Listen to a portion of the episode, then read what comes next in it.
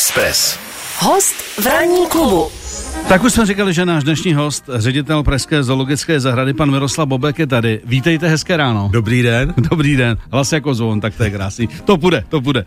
Eh, Pane řediteli, vy jste eh, mi říkal mimo mikrofon, že jste jel z domova, tedy ne stroje. Ale my jsme eh, už někdy po sedmí hodině říkali, že, nebo bavili jsme se o tom, že jedna z devis Pražské zoologické zahrady, aspoň pro nás, je to místo, ta, ta lokace vůbec. Že vlastně Pražská troje je relativně blízko centra, a je to moc hezký místo, když podle mě i tam jedou zahraniční turisti, tak můžou docela koukat, protože myslím si, že ne všechny zoologické zahrady, minimálně v Evropě, mají podobný příjezd, kde je co vidět i mimo zámek, vinice, eh, poměrně taková, jakoby řekněme, eh, velmi, velmi hezká část Prahy. Tak většina kolegů ze světa nám tu polohu závidí, protože je to přesně jak říkáte. Nejenom je to relativně blízko centru, byť ta dopravní obslužnost víme, že je problematická, ale to je jiná věc. Když A to hlavně- ne, když funguje, tak, tak to jde. No, ale potom průjezd strojů, parkování, no nebudeme tady Dobře, po ránu. dobře. Tak ale je to hezká, ale, je to, ale- je to hezká část. ale, ale je to nádherná část. To, No. to místo je vybráno dokonale, protože máte ty pozemky převltavé, skalní masiv, náhodní no. plošinu. Opravdu to je nádherný. Vlastně spoustu těch prostředí tam vůbec nemusíme vytvářet. To stačí tam. Jsou tam. ta zvířata dát a už tam jsou. A je to konec konců i prostor, který je nesmírně zajímavý z biologického hlediska sám o sobě. Tam je, Hmm. tam je bohatá biodiverzita i nehledě na Hmm. zoologickou, zoologickou zahradu. Ale mimochodem, letos slavíme 90 let od Hmm. otevření Zoo Praha a to se připravovalo, jak to tak v Čechách bývá, tak e, otevření zoo se připravovalo asi 50 let v Praze. Byli jsme už úplně poslední v Evropě, kdo otevřel, otevřel zoologickou zahradu v metropoli. No a dlouho se zvažovala jiná místa, Střelecký ostrov, Petřín a podobně. A nakonec se tedy vybralo to skutečně asi nejlepší. Když už jsme teda u tady toho tématu, eh, jak vy vnímáte vlastně postavení Pražské zoologické zahrady? A teď se bavme v rámci Evropy, ať teda jsme doma.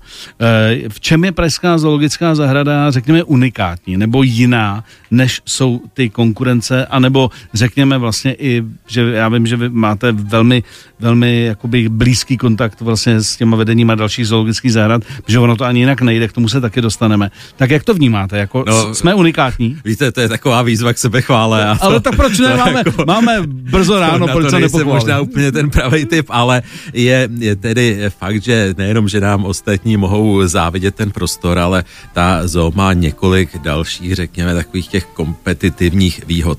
Má, i když je relativně mladá, tak to je v jistém smyslu výhoda. My jsme nemuseli překonávat tu historii, tu, tu dobu, kdy zoo nebyly nic jiného než nějaké zvěřince, čili byla vybudována jako už poměrně moderní. A ti naši předchůdci dosáhli mnoha úspěchů, takže její pozice na tom světovém, než kvůli evropském hřišti je opravdu už po desítky let mimořádně dobrá. No a samozřejmě to, co kromě toho, co vzniká přímo v té zoo, co je díky jejím zaměstnancům, tak tu jsou ještě dva eh, velmi důležité aspekty. Jednak to je podpora hlavního města Prahy, protože skutečně tedy v zoo se dlouhá léta eh, intenzivně investuje a je to podpora veřejnosti. Mm. Je to obliba eh, zoo Praha u veřejnosti, která se projevuje návštěvností. Zvu do Jasně. zoo Praha, určitě přijďte. Jasně. Ta návštěvnost může být teď i lepší, nejsou tu zahraniční turisté. No a také tím, že třeba v době toho lockdownu nás lidé hodně podporovali. Mm. Jsou populární, populární takový ty, řekněme, sponsoringy zvířat, eh, který taky asi přispívají, asi to nebude nějaký bambilion do rozpočtu, ale je to asi příjemný, když jako eh, prostě máte, řekněme, zabezpečeno, že ty a ty zvířata jsou ošetřena eh, od dárců nebo řekněme sponzorů, protože my sami máme rádi lemury, tak prostě No, eh, to- to- přes, přesně. Já bez- nevím, ty rádia mají všechny lemury. To nejste jenom vy. To Fakt ještě jiný my jsme to rozjeli, jasně. no my jsme to rozjeli. No, všichni dobře, se opičejí potom, všichni no. lemury. Ale, ale je to přesně tak, jsou to adopce zvířat, sponzoringy Hmm. zvířat, ale třeba právě v době covidu jsme zavedli i stravenky pro zvířata a to Hmm. si získalo velikou oblibu, to jsou obdobné stravenky, jako máte Jasně. do restaurace od zaměstnavatele, tak eh, jsou to podobné stravenky pro zvířata. Tak to, to lidé hodně kupovali a kupují doteď. Ranní klub. klub. Tak hezké ráno ještě jednou, pokud jste právě vstali. Eh, naším dnešním hostem je ředitel Pražské zoologické zahrady, pan Miroslav Bobek. Takže teď eh, budeme pokračovat v tom, co jsme načali, to znamená eh, jednak 90 let Pražské zoo. Ale ještě jsme se vás chtěli zeptat, protože jak jsme spolu komunikovali, tak vy jste říkal, že vás teď čeká cesta do Kamerunu.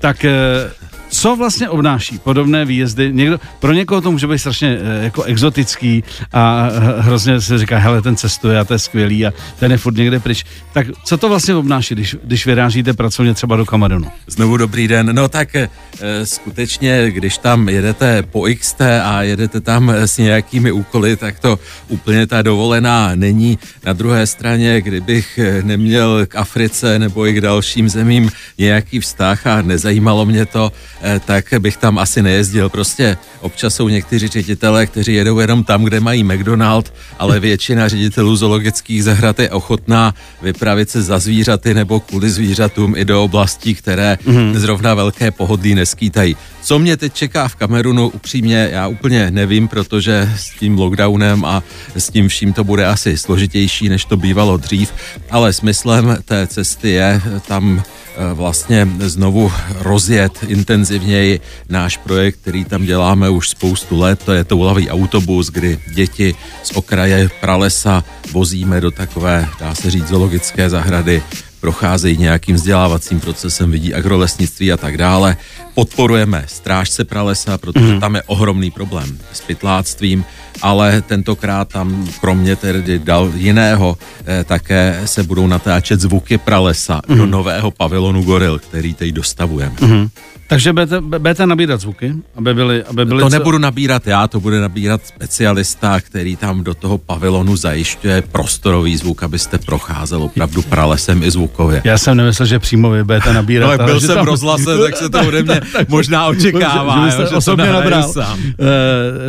Tenhle ten projekt je spojen uh, s více zoologickými zahradami, uh, které na tom participují, anebo je to projekt, kde jenom Pražská zoologická? Pokud jde o ten toulavý auto, autobus, tak to je pod záštitou Světové asociace zoologických hmm. zahrad a akvárií, ale děláme to jenom my Jasně. s našimi místními partnery a zaměstnanci. Hmm. Řada jiných projektů je skutečně ve spolupráci s dalšími zoo, ale, ale ten toulavý autobus děláme opravdu jenom v dresu Zoo Praha. Byť tedy také jedním z těch cílů je, že jsme tam navozu, na, že tam spolupracujeme eh, ještě s jednou britsko-izraelskou ochranářskou organizací a ti by chtěli provozovat spolu s námi ještě klon tohoto úlavého autobusu jinde, takže hmm. tím do toho vstoupí jejich prostřednictvím asi i další zoo.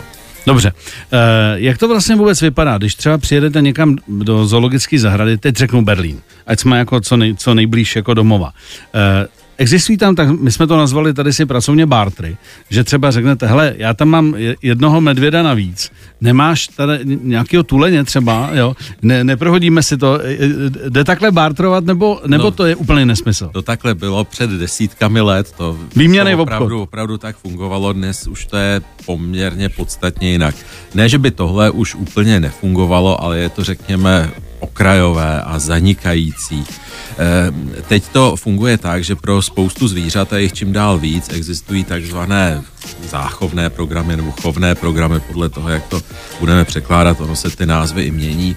A ty jsou koordinovány v rámci celé Evropy. Čili mm-hmm. když jsme členy nějaké té zastřešující organizace, tak každý ten druh nebo skupina druhů, nebo téměř každý, má specializovanou skupinu, v jejím čele stojí koordinátor a ten doporučuje, které zvíře kam mají. Jasně. Mhm. Čili když máme mláďata, tak doporučí, kam půjdou. Když chceme tu skupinu nějak změnit, eh, třeba novou samici, přivízt nového samce, tak zase doporučuje, odkud by měl jít. Rozumím, ale je to i třeba o těch kontaktech mezi těmi jednotlivými řediteli, že prostě máte třeba lepší vztah s oným ředitelem zoologické, než třeba, teď řeknu, ze San Diego a, uh, tím, a můžete vlastně i mimo tady ten už jakoby nějaký centralizovaný systém se domluvit na nějakých jakoby výměných možnostech?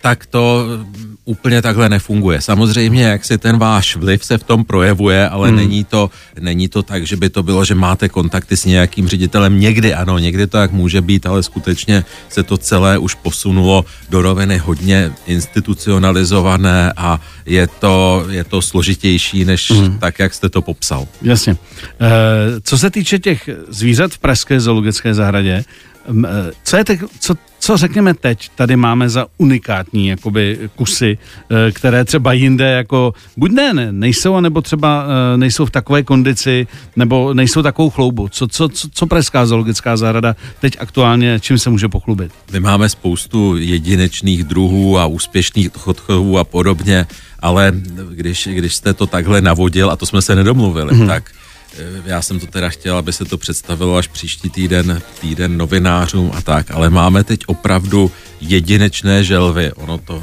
jejich jméno české nikomu nic neřekne. Je to batagur bengálský, ale je to želva, která může být 60 cm velká. Ten samec v době páření má úplně černou antracitovou hlavu a, a karmínově zbarvené tělo. Hmm. Je to nádherná vodní želva kterou máme, kterou představujeme veřejnosti mm-hmm. mimo Ázii jako jediní na světě, nebo představíme od mhm. příštího, mm-hmm. přes příštího víkendu, od toho za, od dneška za 10 dnů zhruba.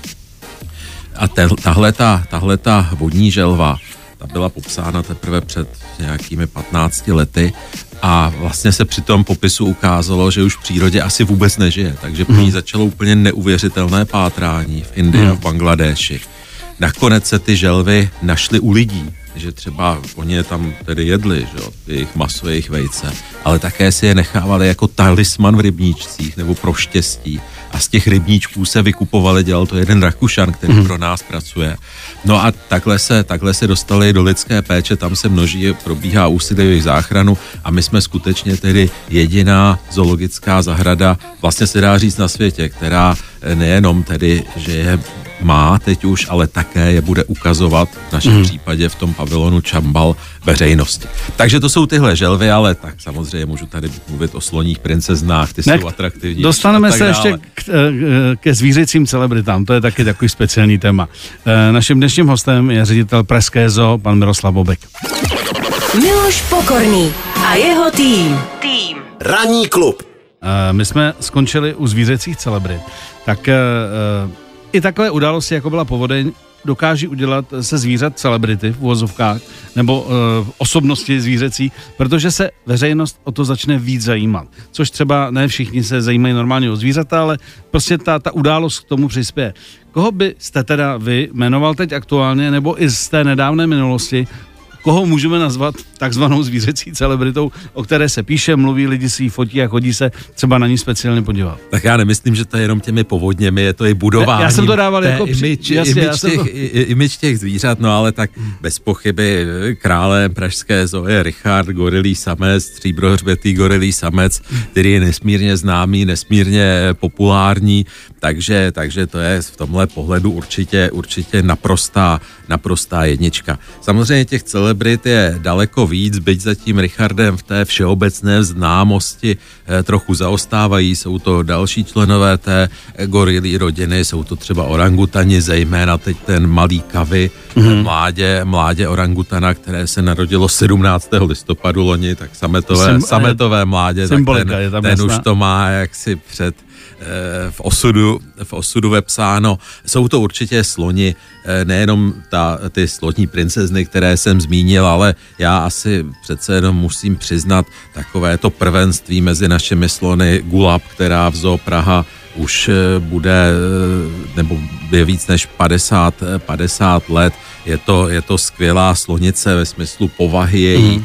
takže a, a celé generace návštěvníků ji znají tak, eh, tak určitě tu bych mezi ty velké celebrity zařadil. No a konečně nesmím pominout eh, našeho lachtaního samce Melouna, ten asi u té veřejnosti a zejména teď ještě předstihuje tu Guláp, určitě ji předstihuje a mimo jiné mám pocit, že je tak trochu maskotem našeho olympijského týmu. Mm. Tady na obrazovce běží, běží mm. olympiáda a zrovna včera eh, jsem dostal fotografii z Tokia, jak Lukáš Krpálek sleduje video s Melounem, protože tam jsou také takové, o, taková olympijská videa, která Jasně. jsme dělali s tím českým olympijským týmem. Na to tady navazuje i taková osobní otázka od Petra, jestli stále vaším nejoblíbenějším zvířetem v zoo je hrabáč kapský, nebo jestli už se změnily vaše preference. Víte, to, to byla vždycky taková ta novinářská otázka, které máte nejoblíbenější zvíře. Já jsem říkal tu hrabáčici kvídu, dokonce jsem říkal jednu konkrétní, protože hrabáč to je bizarní zvíře, eh, krmíte ji z ruky červy, je opravdu, eh, je opravdu zajímavá. Já jsem k ní často bral nebo beru, beru návštěvy, ale pravda je taková, že já těch zvířat oblíbených mám hrozně moc a k některým mám opravdu velmi osobní vztah, což jsou třeba slonice, které jsme přivezli eh, ze Sri Lanky a ty jejich dcery, hmm. protože v tom prostě to, to, to, to je součást mého života, zkrátka ta, ta, ta sloní skupina. Ale před chvílí jsem tu taky mluvil o těch, o těch batagurech, o těch vodních želvách, což nikomu nic neřekne vlastně. To přijde, to tady to přijde. na tom budeme pracovat, na tom pracovat a pracujeme na tom už i teď ale když vidíte příběhy těch zvířat, ať už druhů nebo jedinců a spoustu zajímavostí s nimi spojených, tak, tak prostě k tomu jim nemůžete zůstat lhostejný. Eh, eh, eh, říkám, nebo říkali jsme, že vlastně doba celebrit je doba marketingu. Je důležitý pro zoologickou zahradu, ať je kdekoliv, že má takzvaný celebrity, že to je přece jenom jako tahák větší pro lidi a pracuje se na tom, aby vlastně ta zoo ještě tím byla známější. No určitě, na tom pracují téměř, téměř všichni, byť samozřejmě je je to, je to někdy dvojsečné, protože hmm. v případě goril jsme to zažili, že pak jak si tam vzniknou, vznikne takové jádro fanoušků, kteří eh, se eh, vám do toho začnou mluvit a začnou, hmm. začnou mluvit i jménem těch goril nakonec. Ono konec konců pak také, když se něco stane, nedej bože, Jasně, tak, tak, tak ve to... chvíli, kdy to zvíře je velmi známé, no tak, tak to pochopitelně je o to větší problém potom. Ale obecně já razím to, že zvířata e, zejména, by, že bychom měli mít ty celebrity se jmény a měli bychom o nich mluvit, protože jedině tak si myslím, že ti návštěvníci nejenom se o nich dozvědí víc, ale spíš si k těm zvířatům i najdou nějakou Jak cestu, otvírá hmm. se ten zájem o ně. A vlastně potom přijdou i ty další, které nejsou zatím celebrity. Přesně tak. A že se to vlastně propojí, takže to není nic proti ničemu. Podle mě ne. Dobře. Pan Miroslav Bobek je naším dnešním hostem. Miloš Pokorný. Na Expressu. Na Expressu. My jsme před chvilkou říkali, že bude hezký počasí a tak dále, což pro návštěvnost zoologické zahrady je určitě fajn. Ale napadá mě, jestli je to fajn pro ředitele zoo, když, se, když jsou ty velký vedra, jestli, jestli ta radost je furt stejná, protože dokážu si představit, že pro část zvířat to není úplně ideál, když jsou jako opravdu velký horka v Praze. No, když jsou úplně velký hor, horka v Praze, tak ty zvířata si můžou někam zajít. Jo. Mm. My, my rozhodně neděláme to, co se dělalo třeba dřív, že, že opravdu ty zvířata byly nucený být někde kde, kde je ty návštěvníci uvidí úplně za každou cenu, i když tam, i když tam trpěli. Takže v těch největších vedrech některá ta zvířata samozřejmě prostě si, zalezou. si zalezou, najdou si stín, my jim v tom nebráníme, tak, tak ale vždycky jich je vidět dost, zase bych neodrazoval od návštěvy. Ale e, současně teda musím taky říct to, že když jsou hodně velká vedra, tak ti návštěvníci taky nepřijdou jo, do, do zoo.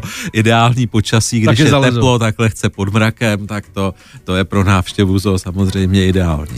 E, jak je to vůbec se zájmem pracovat v zoologické zahradě? Je pro vás problém získat normálně kvalitní lidi, kteří to tomu rozumějí, baví je to a asi nedělají za nějaký šílený peníze?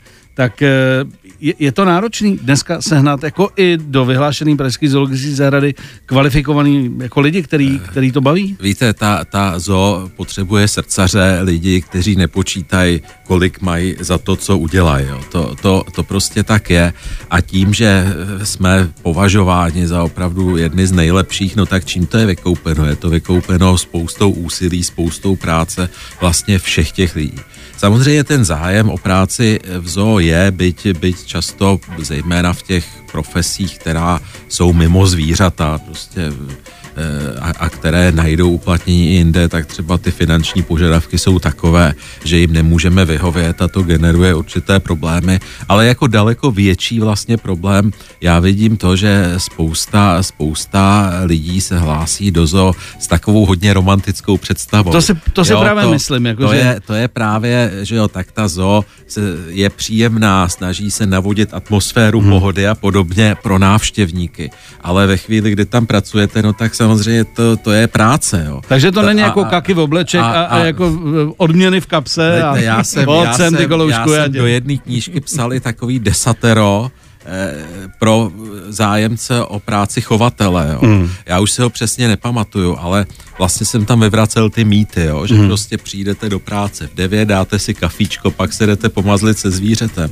To je prostě jako hlavně dřina, že jo, to je uklízení, kydání, to je práce třeba přes čas ve chvíli, kdy tam, kdy tam musíte řešit nějaký problém. To je práce často venku v zimě, v dešti, hmm. zkrátka taková ta pohodička, kterou si mnozí představují. A já to chápu, jo, protože Tak je to trošku říkám, romantický. snažíme se navodit tu pohodu týzo, ale, ale jako prostě hol, ta, ta práce je práce a, a Prostě není to o tom, že si koupím dlouhou díku a budu tam chodit po zoo a budu říkat jako, No, tak co bych tady lovec, někde pampalíny. Přesně, přesně tak. Ještě mě zajímá, u těch eh, profesí, které se týkají konkrétně těch samotných zvířat, teď se nebavíme o údržbě nebo prostě, No, no, no. tak eh, jaký vlastně vy požadujete, ne, ne, dobře, řekněme vzdělání, nebo co ten člověk musí mít, aby vůbec se o tu práci u vás mohl ucházet?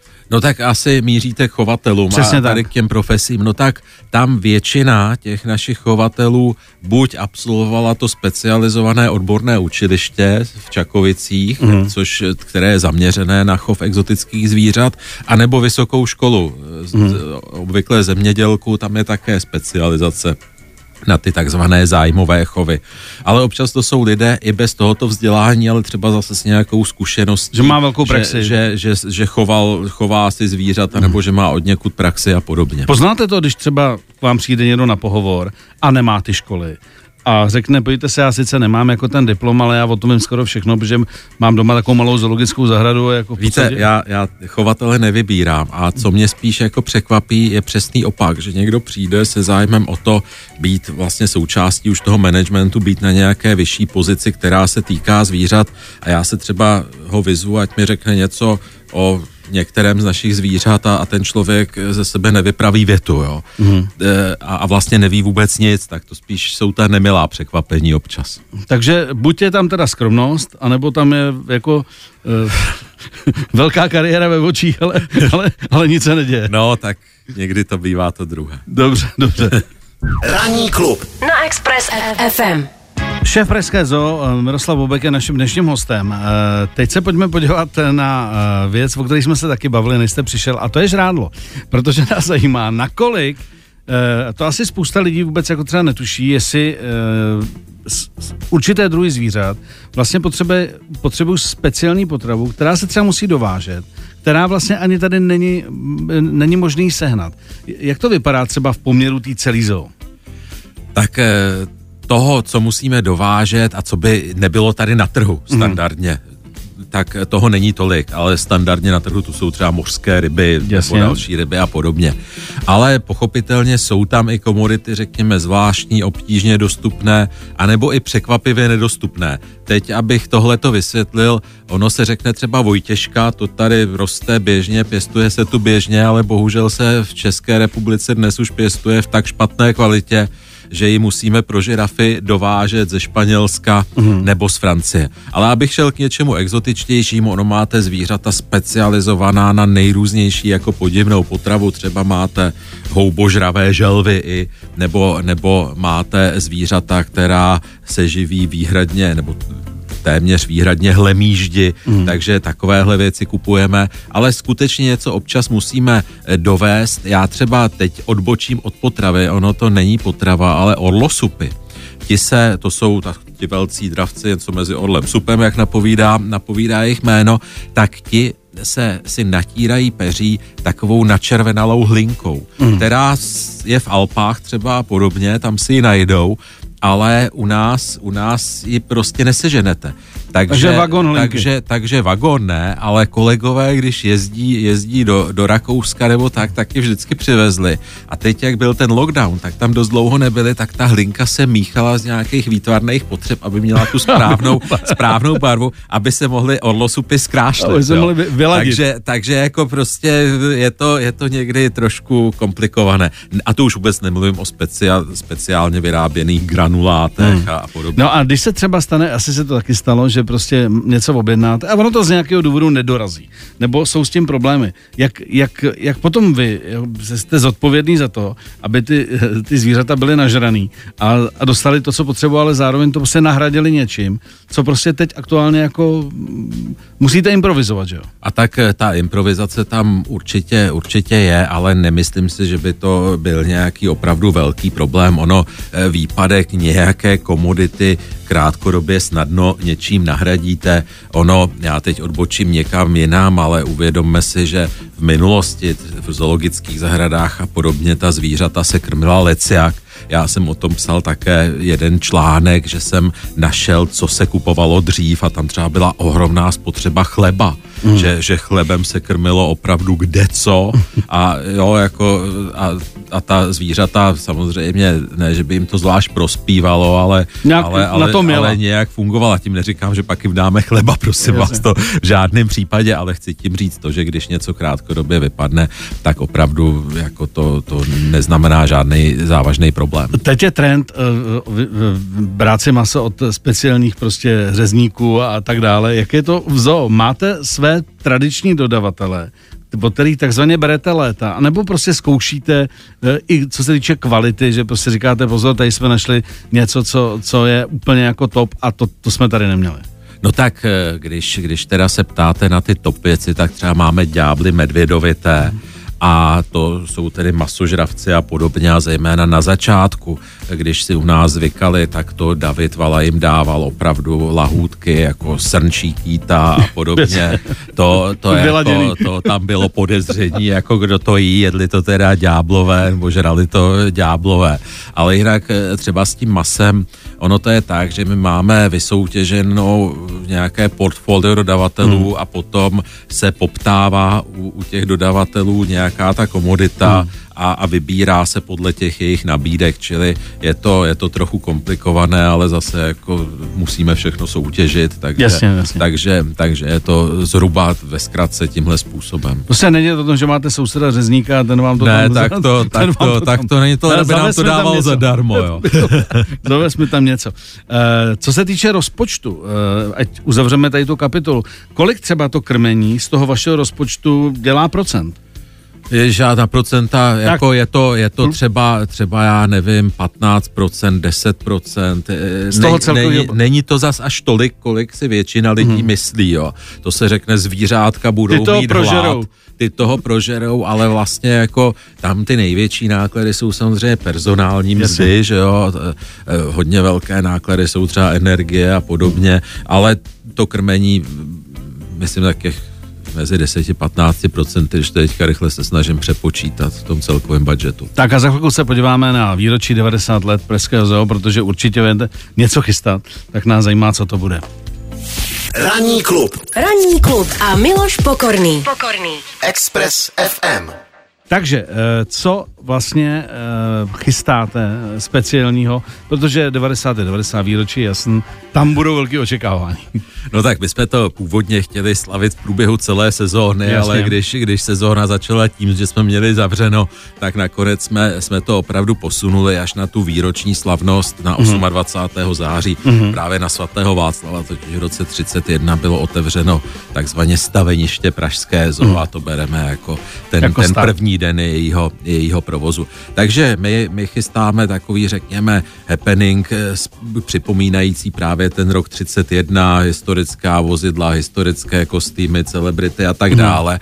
Ale to, co bych možná tady, byť to není na první pohled až tak atraktivní, eh, zmínil a zdůraznil je to, že také budeme křtít vlastně první komplexnější, větší, odbornější knihu věnovanou historii zo Praha. Mm. Paní doktorka Heráňová na tom strávila opravdu desítky let práce, mm. takže je skutečně teď zmapováno to, jak probíhaly přípravy na vybudování Pražské zoo a jak vypadala ta první, první léta, kdy fungovala. Takže Eh, důstojná takže, publikace. Takže důstojná publikace a to, to jak jakkoliv tedy je možná trochu to zní oficiozně, tak to pro mě je ten nejdůležitější hmm. bod té oslavy, ale pochopitelně pro návštěvníky to bude velmi atraktivní hmm. díky tomu obalu eh, toho, toho dne eh, v, tom, v té podobě roku 1931. Samozřejmě chystáme tam i další věci, třeba se budou křtít v úvozovkách bankovky zo Praha, hmm. které tedy se, eh, co nevidět, už vytisknou ve státní tiskárně cenin. Opravdu to,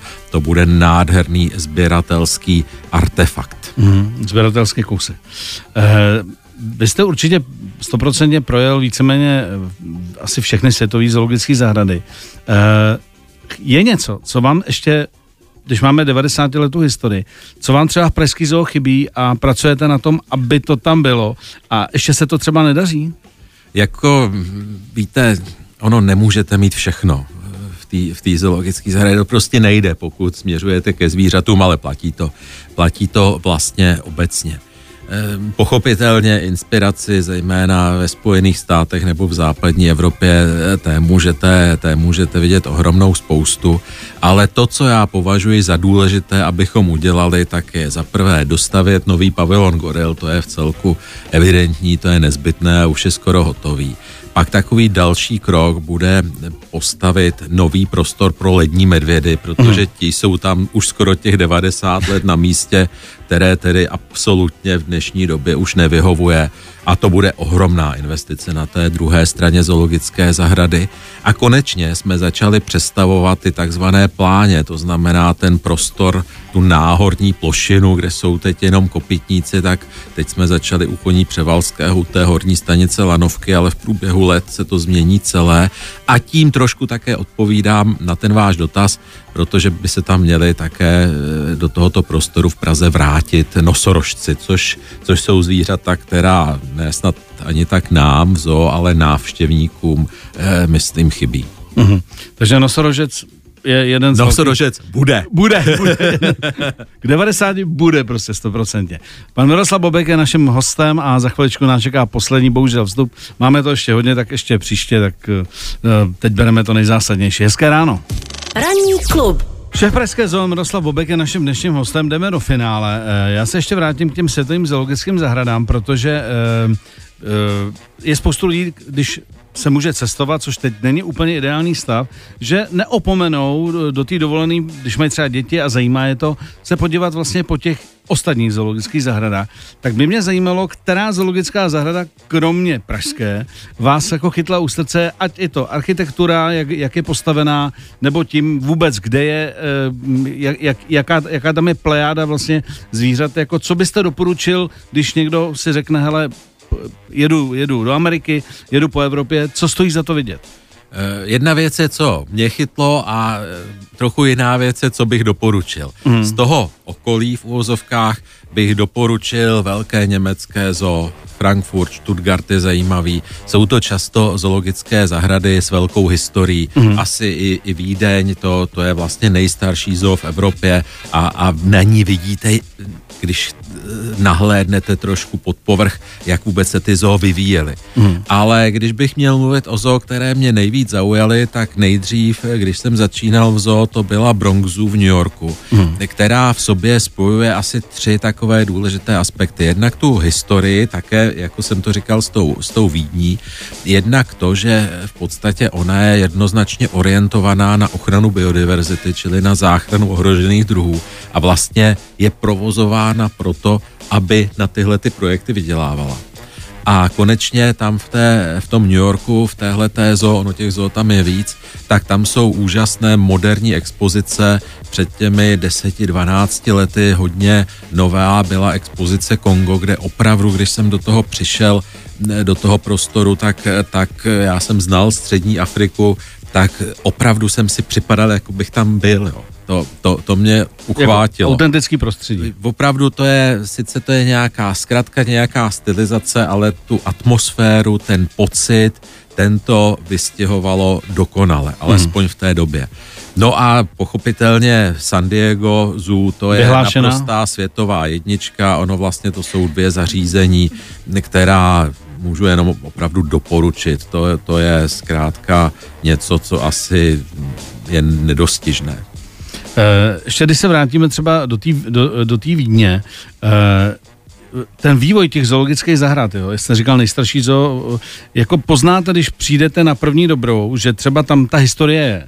A eh, nebo si říkáte, jo, je to moderní, mají tady spoustu věcí, ale nedechne to na mě tady to atmosférou, že prostě ne, v to tý, tady... V té Vídni, proto já jsem se o tom zmiňoval, tam to je opravdu na první pohled. Tam, mm-hmm. tam v centru té zoo je snídaňový pavilonek, kde tedy kam chodila snídat Marie Terezie a, a to jádro historické té zoo, to je zachováno a vlastně se obrátilo ty malé prostory, kde dřív byla zvířata, tak neslouží návštěvníkům a ty větší prostory, které dřív byly pro eh, panovnickou rodinu, potažmo pro návštěvníky, tak z těch jsou dnes výběhy. Mm. Čili opravdu tam, tam to je zachováno, byť, ten, byť se to trošku pozměnilo, tak to je zachováno v té podobě někde eh, z 18. 19. století. Takže já udělám top trojku, jo. Samozřejmě Pražská zoo. Ano. Za historii do Vídně a celkově tam zahrneme asi San Diego. San Diego jako, tam přihoďte, no. Přihodíme jako, že, že to jde, že to jde, že to docela, že to docela slušný.